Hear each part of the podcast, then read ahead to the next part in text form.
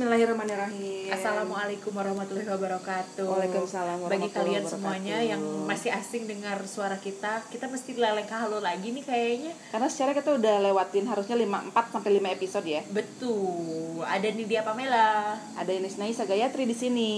Hmm, kita kenapa sih sebulan ini menghilang ke mana? Karena kita mengikuti anjuran pemerintah untuk di rumah aja di tengah distancing. pandemik COVID-19 ini. Benar. Apalagi lo kan dengan resiko yang tinggi kemarin bikin Bikin ulah, nggak bikin ulah sih. bikin rewas, bikin, kaget. Wah, sumpah. Ini Ya. kita juga sebenarnya lagi physical distancing. Kita jarak 2 km. Uh, uh, halo, hah? Apa? Nggak kedengaran bisa diulang nggak? Coba Ini sinyalnya bisa ditaikan monitor lagi ya? nggak? Pakai Nia? kemarin ah.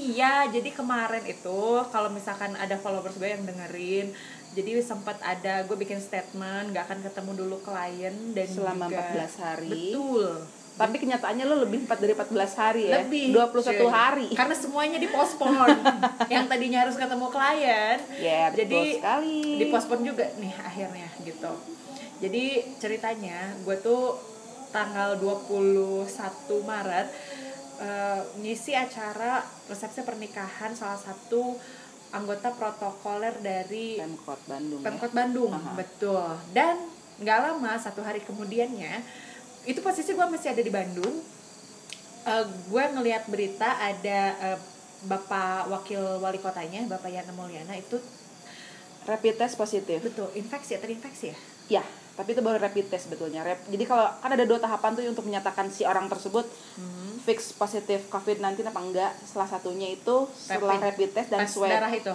Enggak, iya tes darah betul betul tes Ah. darah positif. Terus kalau misalkan si swabnya juga positif, Positif itu juga. berarti fix positif. Karena banyak Oke. juga kasus kejadian ya seperti Bapak Ayana Mulyana ternyata Mhm. eh, ketika rapid test dinyatakan positif, tapi ketika beliau seminggu setelah itu menjalankan eh, tes swab, Aha. Ternyata beliau negatif.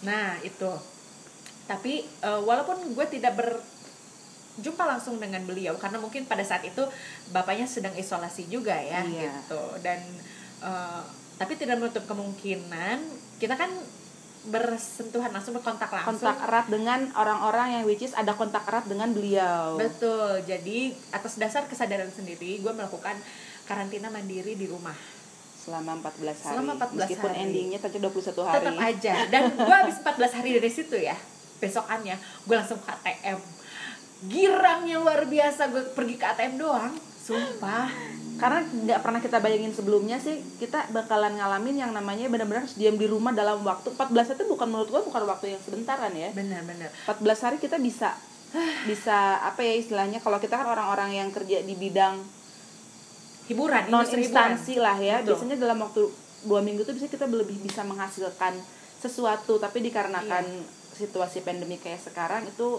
sebetulnya cukup berat juga sih ya apalagi gue yang which is eh, penghasilannya dari MC doang yes gue bener sekarang tuh kayak lagi ada di fase quarter life crisis tapi kok semua orang ya ngalamin bukan gitu. cuman lo aja nggak cuman cuma kita aja aja. gitu kan karena Iya. Hampir semua hampir deh. semua semua jadi sekarang kalau misalkan ada yang bilang ah kondisi kayak gini yang orang-orang kaya mah nyantai aja kagak ada Nggak, say nggak ada yang kayak gitu ada. mereka mesti mikir lebih jauh lagi mempersiapkan Betul. sampai berapa bulan ke depan kan ya dia bisa Yes. bertahan hidup gitu loh istilahnya kayak gitu lo ngapain aja sih selama ya gue sebetulnya juga dibilang karantina mandiri secara sepenuhnya sih enggak ya. Gue tetap harus ngantor karena lo karena mesti ngantor. karena gue kerja di pelayanan kesehatan. Jadi even gue nggak langsung nanganin si pasien tapi gue ada di balik tenaga-tenaga kesehatan yang gue support. Jadi gue nge-support mereka kan Oke. istilahnya. Gue tetap harus kerja bolak-balik tiap hari kantor dan jam-jam kerja gue pun tidak berkurang sedikit pun gitu kan. Hmm. tapi kenapa gue memutuskan cukup di rumah aja setelah pulang kantor? Karena pada saat itu gue masih inget tanggal 15 Maret gue lagi di Bandung. Gue lagi di Bandung. Oke. mau pulang sih ceritanya mau pulang ke Garut. Gue sebelum sebelum pulang itu gue makan di Ciwok kan. Ciwok tuh udah sepi Wak. sebetulnya udah sepi Wak. Heeh, udah tanggal sepi. tanggal 15 Maret itu tuh udah sepi. gue lagi makan di Ciwok terus gue buka-buka medsos nih ceritanya. Sorry tanggal 15 itu weekendnya? Hari Minggu tuh kan harusnya biasanya Iya, rame banget betul. mall-mall ya kan? Hari minggu itu gue lagi di Ciwok gua- terus gue lagi makan siang gue buka medsos tiba-tiba dari Ridwan Kamil lagi live. Oke. Dan ternyata dia menyatakan bahwa Bandung sudah ada yang terin- sudah ada yang terinfeksi dan Bandung dinyatakan sebagai red zone. Oke. Makanya sebenarnya gue pas denger lo mau pergi juga gue agak was was sih kenapa lo mesti pergi gitu waktu itu? Iya, iya. Karena gue juga dengar berita itu, tapi gue kayak Bismillah lah karena memang lokasinya pun jauh dari area tersebut Mhm. gitu. Jadi gue pergilah. Eh tahunya kan ternyata orang pemerintahan kan yang yang Iya. hajaknya gitu. Terus eh, kebetulan bapak wali-wali kotanya, wakil wali kotanya eh, ini kena. Tapi alhamdulillah sekarang udah sembuh kan. alhamdulillah karena beliau dinyatakan ketika eh, swab, Swab test, test. dia negatif Betul. Jadi gue kayak ngucapin terima kasih banyak sih banyak banget sujud kan. syukur ala ala nasar KDI ya Bo Eh, eh sumpah. Terima kasih banyak juga untuk para nakes. iya betul sekali. Untuk para tenaga kesehatan kita ucapin terima kasih banyak. Mungkin kalau cuman ucapan terima kasih itu sebenarnya Iya. nggak cukup ya. Tapi yang jelas asal kalian tahu para tenaga kesehatan bahwa kalian selalu masuk dalam list doa kita. Semoga selalu diberikan kesehatan dijauhkan dari segala penyakit apa pun karena gue lihat sendiri gitu ya meskipun di kantor gue kagak ada mit amit coy ya Jangan jangan sampai. nggak ada istilahnya yang ketahuan positif cuman Mhm. dari mulai sudah kurang lebih hampir satu bulan ini yang jaga di IGD rawat jalan dokter mereka tuh harus pakai APD lengkap dari mulai hazmat masker goggles face shield sarung tangan face eh, apa eh, hair cover shoe cover semua mereka pakai dan lo bisa bayangin gak sih masing-masing shift Aha. pagi, shift pagi sama shift siang itu 6 jam Wow. mereka harus Mereka memakai nahan buang air dong. yes betul sekali karena itu yang namanya hazmat itu single use sekali pakai udah buang Iya, iya kan. iya Jadi kalau misalnya udah dilepas ya mesti pakai yang baru lagi. Yap betul dan yang lebih parah lagi gue kasihan banget yang lihat shift malam bu shift malam tuh hampir 12 jam Iya. mereka Nah, tidur pakai yang gituan Ya Allah, kesian banget. Ya, kalau Kita bisa kita tidur ngeliatnya, sih. Iya, kan susah. Apalagi kalau misalkan kita enak, maksudnya masih ada kayak apa ya, masih kayak ada toleransinya karena kita di tinggal di tempat yang sejuk. Betul. kebayang dong, cuy. Kalau misalkan di tempat yang area gerah. panas ya Iya.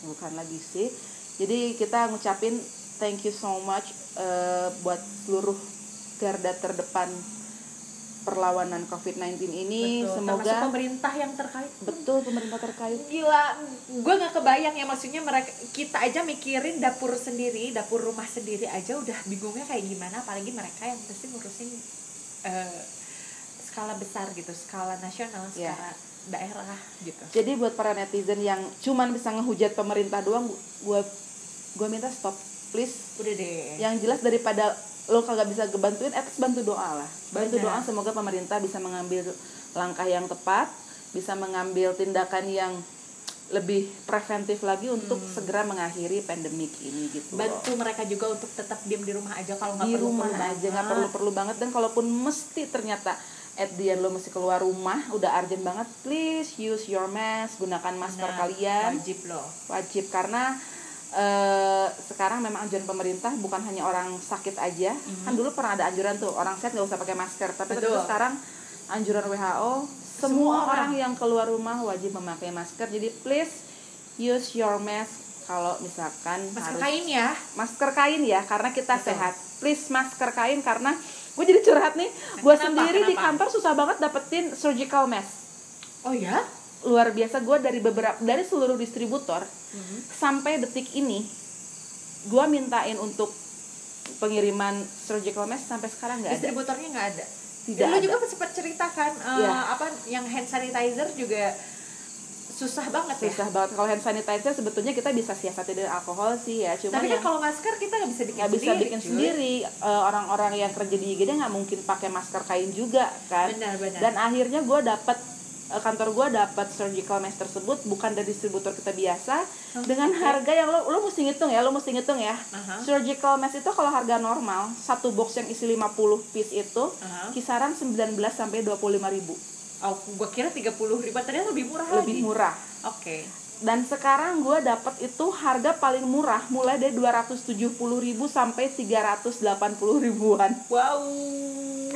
makanya dong please kalian yang cuma nimbun-nimbun masker cuma buat nyari keuntungan Heeh. lihat kita deh lihat kita tenaga kesehatan lu bayangin gimana susahnya kita resiko kita seperti apa Mhm. cobalah hatinya Eh tapi katanya Pak Ridwan Kamil juga mau bikin pabrik masker yang eh, bisa bikin satu juta lembar per hari ya? Ya katanya gue dapat sempat dengar itu katanya dia eh, kerjasama sama salah satu bisa dikatakan big company kita juga lah ya Iya. ya semoga itu segera terrealisasi sih ya Segera semoga ya. segera terrealisasi dan semoga Syukurin tuh para penimbun. Ah, lo mau tadinya dapat untung ya kan? Pas sudah dapat pas sudah ada berita apa udah turun tuh satu juta lembar tuh sehari. Bayang nggak tuh? dadah bye, Bye, money. Ya jadi kayak please jangan bikin suatu keuntungan di tengah bencana lah. Ya, please banget dan ngomong-ngomong soal hashtag yang lagi rame sekarang Apa tuh? di rumah aja Kita juga lagi di rumah aja, makanya tadi ada tuh. Sekarang bentar lagi Bapau. tukang bapau, tukang bakso Malang lewat. Karena kita biasanya kan suka di kafe Kafe, tempat-tempat sambil ngopi-ngopi asik gitu ya Bener. anak nongkrong Ah, sorry ah, gitu. Tapi kan sekarang gila susah banget. ngomong-ngomong soal di rumah aja Ah, kita mau nyambung-nyambungin nih Put kita mau Apa nyambung-nyambungin sama eh, istilahnya hal-hal pantangan buat calon pengantin karena gue juga sering dengar kalau misalkan Hamin 7, Hamin 2 minggu eh, pengantin itu selayaknya ada di rumah aja. ya nggak boleh ke mana-mana atau istilahnya dipingit ya Put ya Bener. mungkin itu tujuannya apa? kalau tujuan kayak yang gua bayangin nih Aha. eh, tujuan orang tua orang tua zaman dulu kenapa ada aturan si pengantin harus dipingit sekian hari sebelum hari H lah Oke. itu mungkin karena eh, selain mempersiapkan kesehatan fisik si pengantin itu sendiri juga untuk menghindari apa sih istilahnya ya menghindari permasalahan permasalahan. Betul marah bahaya. Karena katanya kalau orang tua bilang tuh calon pengantin tuh biasanya lobakan api omongan. Apa ya kalau kita bisa Indonesia lobakan api omongan? Bentar, gue lagi ngolah dulu katanya. loba api omongan itu apa ya istilahnya ya? Eh, banyak polemik. ya mungkin semacam itu banyak polemik. Ya betul banyak polemik. Jadi Aha. mungkin menghindarinya lebih lebih baik lebih baik di rumah aja. Mungkin itu berlaku pada orang tua zaman dulu. Karena orang tua zaman dulu pada nggak pegang gadget kan? Betul. jadi yang namanya di rumah tuh benar-benar tok diam di rumah aja tanpa berhubungan dengan dunia luar. Tapi sekarang kita kan sudah di era di mana gadget itu memudahkan segala hal. Gue pengen tahu nih pendapat lo eh, soal fenomena dipingit itu. Mhm. tapi di era zaman sekarang yang memudahkan kita untuk tetap berhubungan dengan orang lain. Karena biasanya kan eh, bukan biasanya sih maksud gue orang tua zaman dulu itu sengaja ngepingit ngepingit anaknya yang mau kawin itu supaya tidak berhubungan dengan si calon suami atau calon istrinya Iya. iya kan lo tahu kan kayak gitu kan nah kalau sekarang kan tetap tetap aja sih bisa masih bisa video call Benar, benar. eh, Tapi sending text Aha. Tapi lebih bukan ke itunya sih. Hal-hal yang pada saat perjalanan mungkin di luar. Oke, pengantinnya di luar. ha-ha. Si calon pengantinnya lagi ada di luar. Jadi sebetulnya eh, kalau zaman dulu kan belum musim video call, belum musim gadget. Eh, mereka maksud tujuannya dipingit itu biar nanti manglingi si pengantinnya kan dan Oke, biar si ngerti gua. pengantin prianya kayak penasaran nanti nggak udah lama gak ketemu nih gimana nih wajah calon istri gua tapi Biasanya nggak kan gitu tapi nggak sampai nggak ada yang sampai lupa juga kan Hmm, mungkin ya jangan sampai lah. Pengen, dua minggu nggak ketemu sama calon bininya pas tahu hari ketemu sama bininya bininya udah didangdanin cantik ini siapa? Lo siapa gitu? Iya. ini bukan pacar gue bukan calon bini gue gitu kan. Jangan sampai. Tapi nggak ada ya jarang jarang jarang. Nggak ada sih. nggak pernah kita temuin gitu ya Nggak hal ada. seperti itu. Terus juga eh, kalau misalkan kita nih di di era yang sekarang kayaknya lebih fleksibel nggak sih fleksibel dalam artian? Dalam artian si pengantin untuk bisa keluar rumah. Mhm. karena gue sering juga eh, mengalami hamin tujuh pengantin masih bisa ikut technical meeting, Technical meeting, betul. Iya nggak? sama malah calon pengantinnya hamin, juga. hamin satu pun malah pengantin sekarang masih bisa cek venue loh. Iya benar. Iya kan? Iya. Ikutan eh, ngecekin sama wo juga ya kan? Iya, terus iya, hamin iya. tujuh kita masih ketemu sama keluarganya pula gitu. Iya. Gue beberapa kali sering menemukan keluarga pengantin yang memang fleksibel. Jadi di Hamin 7 kita ketemu di satu tempat kita Mhm. melakukan technical meeting dan si pengantinnya juga dianterin sama orang tuanya sama dua-duanya dua-dua orang tuanya gitu. Oke. Iya sih kalau zaman sekarang mungkin tidak terlalu mengikat kayak zaman dulu lah ya. Tapi ada juga karena kan kita tinggal nih di daerah Garut yang memang masih kental megang adat lah ya. adatnya Betul. gitu. Ada yang memang eh, nggak bukan nggak mau ya ya memang tidak disarankan untuk keluar rumah kan. Mhm. jadi kita eh, mungkin le- kitanya harus fleksibel. Kita yang nyamperin mempelai ke rumah si calon mempelainya ya kan. Kita technical meeting di rumahnya. Bisa juga kayak gitu. Terus juga kayak yang lu bilang tadi menghindari dari mara bahaya. Gue pernah eh, dapat pengalaman kakaknya tutu tutu dapur indi. Oke. Eh, lo per gue pernah Iya, ceritain iya, ya ke iya, lo. iya. tapi ke pendengar belum pernah kan? Jadi ceritanya Hamin satu eh, si mempelainya ini kakaknya tutu ini ketiban apa ya? Ketiban apa ke keserempet keserempet deh. Keserempet- Kecelakaan lah ya. iya kecelakaan keserempet eh, mobil dekor padahal mobil sebetulnya dekor benar karena kan posisinya ini nikahannya di, di rumah Mhm. jadi dalam keadaan posisi mundur mungkin entah gimana si mobilnya lagi mau loading barang eh, keserempet lah Itu Hamin depan satu? rumah. Hamin satu Hamin di depan satu? rumah di depan rumah loh oke Nah, gitu dan terus juga eh, pada saat itu posisinya Hamin satu kan dijahit entah berapa jahitan di bagian Pelipis. kelopak mata. Kelopak mata. mata. Dan lo bisa bayangin kalau gue jadi make up artisnya itu PR berat banget PR banget. make up artis Desi wedding. Oke. Gitu. Pada saat itu makeup artistnya Muadesi Wedding. Eh, dia ngakalin sekuat tenaga dibikin kayak smoky eyes dan segala macam dan Mas Aziz dari Java Fotografi juga eh, memutar otak untuk membuat angle si mempelainya. Supaya nggak kelihatan si scarsnya ya? Bener. Gue juga bantuin juga eh, teh eh bantuin. Si tetanya tuh sempat kayak udahlah dia em, apa ya kurang pede mungkin ya dan dia udah sudah putus asa ya udah nggak apa-apa eh, ijab kabul aja. Sempat kayak gitu. Tapi Oke. tapi karena memang nggak tahu ya gue lihat sih makeup artist sekarang udah pada canggih-canggih nggak sih? Yes bisa ngakalin ya. Betul ditutup sama complexion dan juga eh, tapi gue nggak nggak kebayang sih itu berarti lukanya baru satu hari belum Baru satu 24 hari. jam ditutup dengan complexion Gimana eyeshadow? Oh, oke. Iya nggak? Kebayang Iya, iya, iya, Yang iya. harusnya diperban dulu, jadi Mm-mm. terpaksa mungkin dibuka. Aduh aduh aduh Perbanannya. kebayang nggak kebayang. Gitu dan wah gila sih. Dan sebelum jam 7 juga udah selesai. Oke itu skill dewa sih kayaknya makeup artist. Parah sih.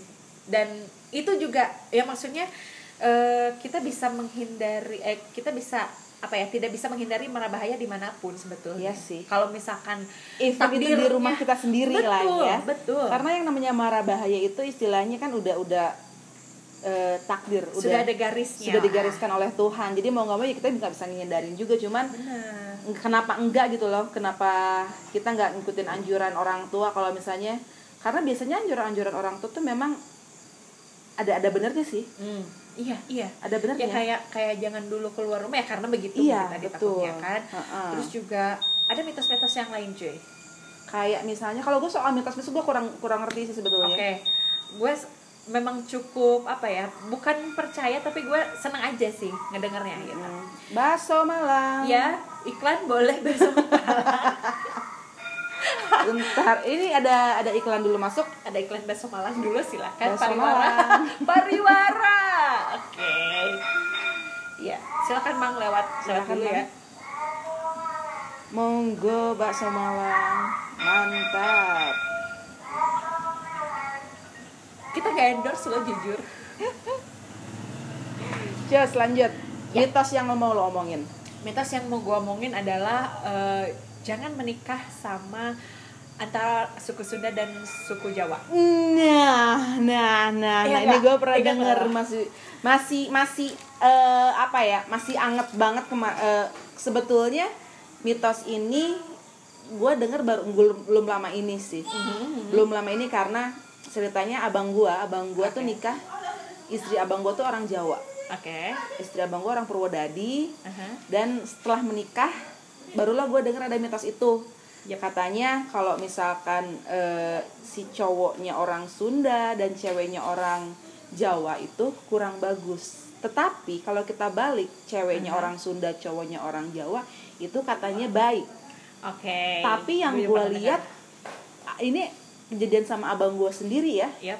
fine fine aja tuh malah Sampai usaha sekarang. sampai sekarang malah usahanya makin bagus-bagus aja lancar ya lancar sekali alhamdulillah gitu makanya gue nggak ngerti sih itu eh, istilahnya asal muasal mitos itu berasal tuh gimana ceritanya gue nggak tahu Nah, Jadi asal muasalnya itu yang gue bukan anak IPS nih, sejarah Oke. banget orangnya. Jadi dulu uh, berawal dari perang uh, Bubat perang bubat oke gitu. Jadi ada permain uh, apa namanya? princess, princess. Jadi uh, putri raja dari ke- kerajaan Pakuan atau dari kerajaan? Sebentar. Putri Pitaloka. Bukan uh, ini. Aduh. Citra resmi. Oh Citra Resmi. Bukan Citra Land itu lebih ke developer ya. Kalau Citra Lestari Eh, itu BCL oke udah ganti sorry Iya. lanjut Bukan Citra hand body juga. itu teman-teman para cowok-cowok jomblo biasanya Biasanya tan- eh, teh Citra ya. Teh Citra sama Tante Marina Maksud? sudah Iya lah mereka skincarean. skincarean kan biar Iya, nggak kering iya. kulitnya gitu. Oke. So terus eh, katanya Citra Resmi mau di nikah mau dijodohin sama Hayamuru oke waktu itu. Eh, correct me if I'm wrong ya. Bisa nanti mungkin em, ya itu ada tetangga maaf. Ya pemirsa ada tetangga di sebelah kita kebetulan tag-nya di teras rumah. backsound aja Enggak apa-apa anggap ya. backsoundnya kan ada suara tembakan gitu Oh iya iya. Kita lagi di jalur gaza apa gimana? Maaf. Oke, jadi oh ke, ke perang bubat ya. backsoundnya pas banget ya iya, jadi ini adalah pernikahan politik katanya gitu. Mhm. Jadi dijebaklah mereka. Jadi si kerajaan Majapahit ini mau menguasai Tatar wilayah Sunda. Sunda. oke Jadi dari situ di daerah mana pokoknya ketemu di pertengahan. Jadi eh, dari wilayah Sunda karena mungkin niatnya bukan untuk berperang. Niat untuk menikahkan Jadi mereka tidak membawa senjata dong, Iya. otomatis. Heeh. Nah, dari pihak sana udah bawa senjata cuy. karena memang dari pihak Majapahit sudah ada plan untuk eh, istilahnya apa ya menginvasi Betul. Jadi gitu. oh Kata correct me if I'm, if I'm wrong ya. ya Mungkin bisa make sure ya ahli sejarah yang mendengarkan podcast kita Mm-mm. itu. Jadi awalnya dari situ kalau mitos kita orang Sunda nggak boleh nikah sama orang Jawa. Tapi sebenarnya sebetulnya ya balik lagi ke pribadi kita masing-masing ya. Bokap gue juga orang Jawa. Sampai sekarang nikahnya Fine-fine aja. fine-fine aja tuh gitu. Terus eh, yang lainnya tidak boleh melangkahi kakak. kakak Bener nggak? Tapi gue melangkahi kakak gue sih Lo ngelangkahin kakak lo? gue melangkahi kakak gue sebenarnya tapi fine fine aja End up-nya? ya ya lihat sendiri kan gue sama kakak gue baik baik aja jadi dulu itu ceritanya memang eh, tapi jaraknya nggak jauh sih dan ini Oke. balik lagi mitos lagi nih ya Aha. Eh, katanya kan ada juga dalam satu keluarga tidak boleh menikah dalam satu tahun yang sama Iya. tapi yang kejadian sama gua ya gua ngelangkain kakak gua Mhm. ya keluarga di keluarga gua nikah dua dua orang yang nikah di tahun yang sama karena waktu itu gua nikah di bulan September Aha. Do you remember? Night. September dan abang gua di bulan Desember jadi itu Oke. cuma selang tiga bulan tiga ya bulan, iya. Terus langsung dapat jodohnya. jadi memang sebetulnya lebih duluan abang gua yang pacaran yang dapat ya yang sekarang jadi istrinya lah Oke. lebih duluan abang gua sih sebetulnya Eh, tapi dulu juga sempat sempat ngobrol ini yang mau nikah duluan siapa nih almarhum nyokap lu kan nanya Oke. mau si ini siapa si Ferry ini cerita yang kawin duluan Aha. Gue waktu itu gue sih udah udah udah ya bebas bebas aja mau misalkan Ferry dulu ya sok gitu ya karena gue kan pada saat itu memang nggak nggak buru-buru pengen ngebet banget pengen kawin gitu kan Oh, cuma oh, tapi ini posisinya kakak lu eh, cowok. cowok Gue pernah dapetin eh, klien posisinya perempuan yang menjadi kakak dan yang menikah adalah laki-lakinya. Hmm. karena pantangan banget ya. Tapi sebetulnya kalau misalkan si ceweknya ikhlas-ikhlas aja, maksudnya si kakaknya ikhlas-ikhlas aja, silahkan Mhm. untuk dilakukan. silakan Karena- aja Karena mungkin balik lagi ke pribadi masing-masing. eh, jodoh mah udah ada di garisnya, udah, digariskan lah gitu. bahkan katanya mitos mi- dari masih nyambung sama mitos tersebut kalau misalnya si kakak yang dilangkain sama adiknya Aha. si kakaknya berhak untuk minta sesuatu kepada adiknya Iya, sebagai imbalannya gitu kan ya. betul, iya betul. apa sih istilahnya kalau Sunda tuh tanjakan ya Ah, ah, tanjakan. tanjakannya dan Ha-ha. itu kejadian sama abang-abang gua karena abang gua kan cowok semua Oke. Eh, waktu itu abang gua yang ketiga itu mau nikah Heeh. di mana abang gue yang kedua belum nikah Oke. Sebetulnya- apa? saham. enggak sih sebenarnya agak lucu juga sih Apa? abang gue yang kedua sebetulnya dia sebetulnya dari awal nggak minta apa-apa cuman abang gue yang ketiga dia mungkin eh, ngerti lah ya nyadar diri dia na- menawarkan lah sama abang gue yang kedua itu mau Aha. kira- lo mau apa nih karena lo gue langkahin kan Oke. saking bingungnya abang gue yang kedua mau minta apa karena dia udah bilang ya udah nggak usah nggak usah tapi abang gue yang ketiga kekeh gitu pengen ngasih Oke. akhirnya eh, abang gue yang kedua cuman minta eh, mobil-mobil yang remote control seri terbaru udah gitu. Simpel itu ya. sesimpel itu ya udah gitu doang cuma Oh iya, minta gue juga ingat juga Gitu di keluarga gue juga ada yang dilangkahin. Om gue, dua-duanya Heeh. uh, pengais bungsu dan bungsu. Jadi Heeh. si bungsu duluan menikah.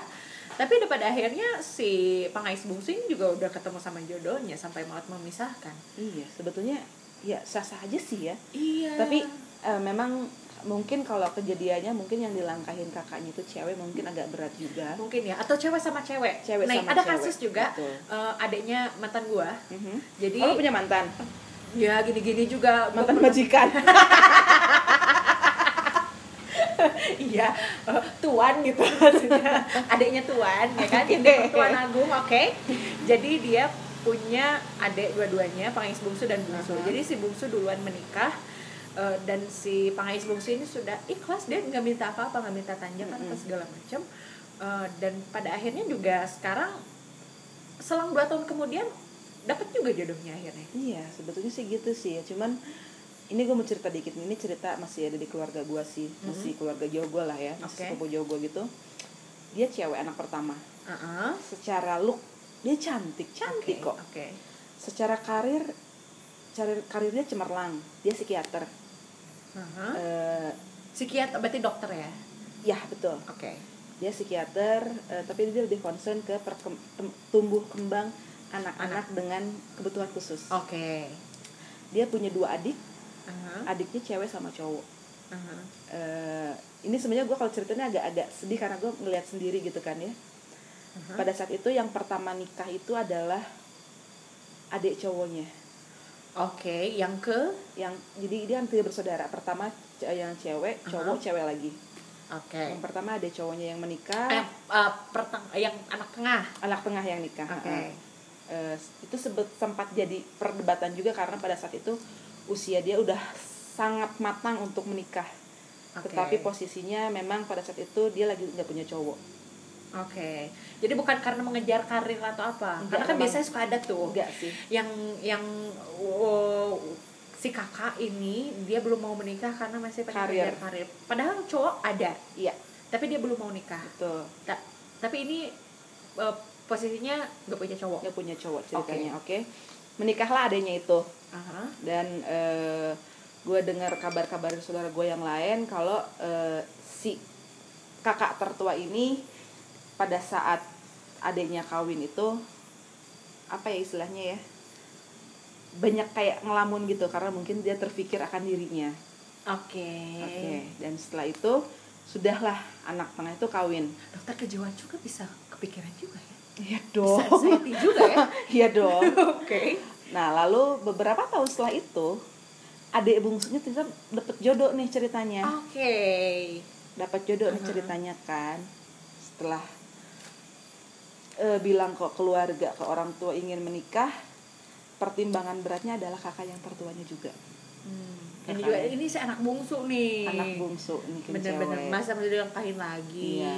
Dan- Cewek pula. banget. Dan Uh-huh. pada akhirnya sebetulnya dia legowo ya sok-sok aja gitu kalau mau nikah kan. Uh-uh. cuman gue masih inget gue dengan mata kepala gue sendiri I see with my own eyes pada saat acara pernikahannya ceritanya itu kan kawinnya di rumah Mhm.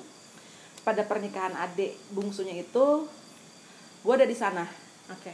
gue bermaksud waktu itu mau benerin make up Hmm. Gua masuk make up lu. make up gue Oke. masa make up pengantin Iya, iya. Kira lo jadi asistennya mua di situ. Oke. Nah, gue masuk kamar nih ceritanya mau benerin make up Hmm. untungnya gue nggak sekaligus buka pintu kamar gue bukanya dikit-dikit Oke. gue buka dikit-dikit dan gue ngeliat eh, si kakak tertua itu sedang menangis Aha. aduh itu sumpah gue ya ampun jadi ternyata di balik kelegowoan dia tuh ternyata dia menyimpan sesuatu juga dalam hati kecilnya Iya, iya, di mana iya, iya. mungkin dia ngerasa kok gue bisa kelangkahin sekaligus sama adik, kedua adiknya gitu Iya, iya, padahal oke, secara oke. karir dia karir bagus Hmm. look dia oke oke dan setelah itu beberapa lama setelah itu gue dengar kabar dari keluarga gue juga ternyata memang sebetulnya yang salah itu bukan cuman nggak nggak hanya si kakak tertua ini tapi ternyata tuntutan orang tua. Why? Jadi tun- orang tua itu selalu menuntut dia untuk men- mendapatkan karir yang lebih lebih lebih dan lebih. Sekolah Oke. berpendidikan lebih lebih lebih dan Oke, lebih. oke oke dan oke. akhirnya si kakak tertua ini curhatlah sama salah satu sepupu gue dia bahwa dia tuh ngerasa selama ini dia percuma ngejar pendidikan ngejar karir. Karena dia hanya jadi eh, istilahnya boneka orang tuanya dia berusaha untuk berbakti kepada orang tuanya menjadi anak yang baik NKCTHI ya oh, mm. Oh, yang anak terakhir pusat dunia Iya kan yang satu Iya. harus menjadi percontohan dari si adik-adiknya begitu kan Iya, karena jadi jadi intinya apa ya? Si kakak tertua ini ngerasa dia sebagai boneka orang tuanya untuk memenuhi ambisi orang tuanya, tapi dia berpikir ini loh cara gue untuk berbakti sama Berbakti orang tua sama gue. orang tua. bentuk bakti Bentuk dia. bakti dia sama orang tua, dia nurutin apa yang mau orang tua pengenin, tapi secara nggak langsung dia mengabaikan diri kehidupan dia, dia, sendiri. Gitu. Iya nggak sih? Dan sampai sekarang dia masih belum menikah Mhm. padahal gue lihat kalau gue lihat di medsos karir dia udah luar biasa. Dia pegang salah satu company yang concern juga bukan company sih foundation lah. Foundation Aha, yang aha. concern untuk anak-anak dan kebutuhan khusus. Shade berapa? Kenapa shade berapa? Foundation. Oh, oh yayasan. Ah, ah. oh gue kira dia bikin bikinin Ah, foundation. bangke, complexion kali ah. Dia pegang salah yes, orang yang punya jabatan bagus lah di foundation tersebut which is foundation tersebut eh, juga eh, diakui di Asia lah. Oh wah. Cuman ya ya namanya juga manusia ya nggak ada yang sempurna kan ya even Bener. misalkan lu punya look oke karir lu bagus pendidikan lu tinggi tapi selalu ada, aja, yang sih ya bener. ya yang namanya hidup mah pas sangka-sangka cuy iya pas sangka sangka orang nyangka didinya isi puput mah kia padahal mah gitu Cina sebenarnya resepnya padahal mah ya kumaha gitu Ember. kan eh Oh, masuk ada lagi, lagi. Boleh loh, kita harusnya pasang iklan di sini harus pakai pajaknya juga. Oh, Boleh, yang sama nggak sih? silakan. silakan. Oh beda, ternyata ringtone-nya beda. Oh, Harusnya betul. masih pakai ringtone ya? ya tadi pakai malang yang ini nggak ada malang Enggak, enggak ada malangnya. Oh berarti ini bakso dari daerah lain. sejahtera eh, oh ini lagi. Terus em, yang lo biasanya dengerin mitos-mitos apa lagi? mitos Untuk seputar pernikahan ya? ini agak nyeleneh sih ini menurut gua lebih bukan rasis sih kalau tadi kan eh, orang Jawa sama orang Sunda Nah, ini kejadian sama gue sendiri Oke. dulu dulu banget tuh gue tuh punya cowok mantan gue orang Sumedang Mhm. orang Sumedang nih ya Yep. kita jalan udah deket banget karena waktu itu dia kebetulan dinasnya di sini Oke. dan mantan gue udah deket sama keluarga gue oke. terus ceritanya eh, mantan gue tuh pengen serius sama gue tapi ternyata ditentang sama orang tuanya Why? Dengan alasan karena gue orang Garut Emang kenapa ada Sumedang Kar- sama Garut? gue nggak ngerti karena eh, katanya di kepercayaan keluarga mantan gue itu Uh-huh. katanya kalau eh, keluarga dia tuh pantang kawin sama orang Garut gue nggak Oh, ngerti keluarga dia doang khusus. iya iya Oh, beda sama. Kalau- keturunannya Aha. tuh tuh nggak ada yang nggak ada yang boleh kawin sama orang orang Garut gue nggak ngerti itu Iya, iya, iya. kumaha teu ngerti sih Oh, tapi khusus buat keluarga dia doang Iya, ya. Enggak bukan gua, dari gua nggak tahu itu emang ya. itu emang aturan keluarganya dia atau emang cuman eh, orang tuanya yang ngada-ngada doang itu ngada-ngada emang nggak mau punya mantu kayak gua gitu mungkin lebih nggak yang ngerti kedua ya. iya kedua sih ya Tapi kalau ngelihat cerita lo kalau karena kalau lo kan keluarga keluarganya sendiri yang bikin peraturan Yes. kayak gitu.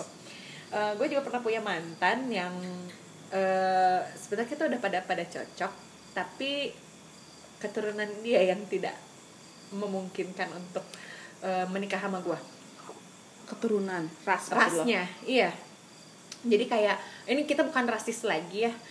Karena kan biasanya suka ada tuh kalau orang Batak mesti sama orang Batak lagi. Mm-mm. Ini orang Arab ceritanya. Mm-mm. Mesti pakai mesti sama orang Arab lagi. oh iya iya. lah tante gua Arab om gue kan bukan Arab Nah, ada juga jadi memang tergantung mungkin ya, tergantung keluarganya. Maknya si ada. Ibnu tuh kan Arab maknya Itu juga yang di Gudang Rasa juga kan bapaknya Arab tuh. iya Ada yang kayak gitu. Nikah sama orang Sunda juga kan. iya kan om gue orang Sunda asli Ah, ah. Si ibu turunan Arab. ibunya Ibnu tuh ya tante gue tuh Arab Oh, oke. Keturunan juga. Ya mungkin memang ya balik lagi kayak ke kita. Ah, ah, Kalau misalkan ah. mitos eh, di daerah wilayah Sunda ada yang memang masih memegang teguh, ada yang enggak. Mm, ya kan? Terus juga eh, mungkin di keluarganya mantan gua pun masih memegang teguh banget karena Kalau memang keturunan sama habaib gitu. cuy. Oh. Jadi habaib itu memang Habaib ya nurul Iya. ain jadi habaib itu keturunan, keturunan langsung dari Rasul katanya gitu. Oke. Jadi ya gue sih kalau misalkan ngelihat ya ngelihat kalau secara logika sekarang bukan karena mitos atau apa pun tapi lebih make sense karena mereka ingin memelihara keturunannya biar lestari terus Oke paham, paham, paham. Ngerti ya, ya, ya ngerti. Gue ngerti. Eh, Arab memang kadang seperti itu. Kadang di keluarga Arab itu ada juga yang ngawinin sama sepupu, misalnya kayak Perjodohan, gitu. kan? Perjodohan, betul. sepupu dari pihak ibu ya itu kan? kejadian sama keluarga tante gue sendiri soalnya Arab kan. iya, iya, iya, kayak iya. gitu. Benar. Jadi sebetulnya agak jelimet sih. Heeh. dari dari itu juga kan em, Batak juga begitu kan Mhm. Pariban disebutnya Pariban, betul. Heeh, dari sepupunya juga sepupu jauh gitu juga ada yang dijodohin kan pada Heeh, akhirnya heeh. ya karena kalau gue ngelihat sih memang mereka ingin melestarikan bud- eh, apa ya, Keturunan. keturunan mereka dan mungkin juga agar mengurangi gap jadi kalau misalkan satu kufu gitu kalau misalkan Arab sama Arab Batak sama Arab Kufu tuh apaan sih? Hah? Sekufu tuh jadi kayak satu satu visi gitulah. Mereka tuh Oke. satu kebiasaan. Oke. Iya Ah, kan? ah, ah. Kalau misalkan eh, orang Ambon misalkan sama orang Sunda itu kan akan terjadi cultural shock ya. Mm-mm. Kita kan biasa yang mangga. Eh mana mana so pasti, gitu kan? Sekarang sumber air sudah kak. bisa bantu mama buang anak ke sungai gitu kan jadi kan kayak jangan kan gitu deh di di daerah bokap gua jadi dia Jawanya Jawa yang keras Heeh. Eh, ngap- Bokap lu mana emang? eh, daerah menuju ke Brebes Tegal Oh, ngapak, ngapak. Heeh, jadi kan mereka tuh kayak orang berantem ya Heeh, heeh. gue kalau tiap balik ini mereka kayak berantem apa gimana ya gue takut sendiri gitu kayak gue mau melerai itu urusan eh, keluarga internal gitu kan tapi kok habis gitu mereka ketawa-ketawa lagi ya oh ternyata mereka kayak ngobrol biasa aja itu dari daerah Jawa aja gitu maksudnya udah kayak Kayak Betawi begitu. mungkin ya Betawi kan kayak kayak Betul mau berantem kan ya. begitu Heeh. ngomongnya gitu kan kayak orang marah-marah mulu Iya, kan iya, iya, kerjaannya iya, iya.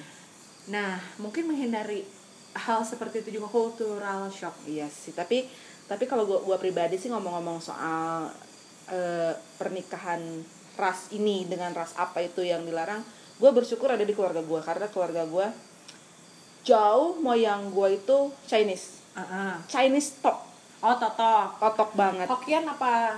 Gua nggak ngerti, gua nggak Ah, ngerti. ah. Jadi dulu eh, intinya leluhur gua itu aslinya dari Cirebon, jadi menurut dari cerita yang selalu dipaparkan pada saat halal bihalal bulan oh, Idul keturunan Fitri, itu Sunan Gunung Jati. Yang istrinya orang Chinese kan? Iya, gue gak ngerti lah kalau sampai situ lah ya. Cuman Ya. yang selalu, jadi kan kalau halal bihalal tuh suka diceritain tuh silsilah dari atas banget sampai bawah itu. Lo Cirebon juga?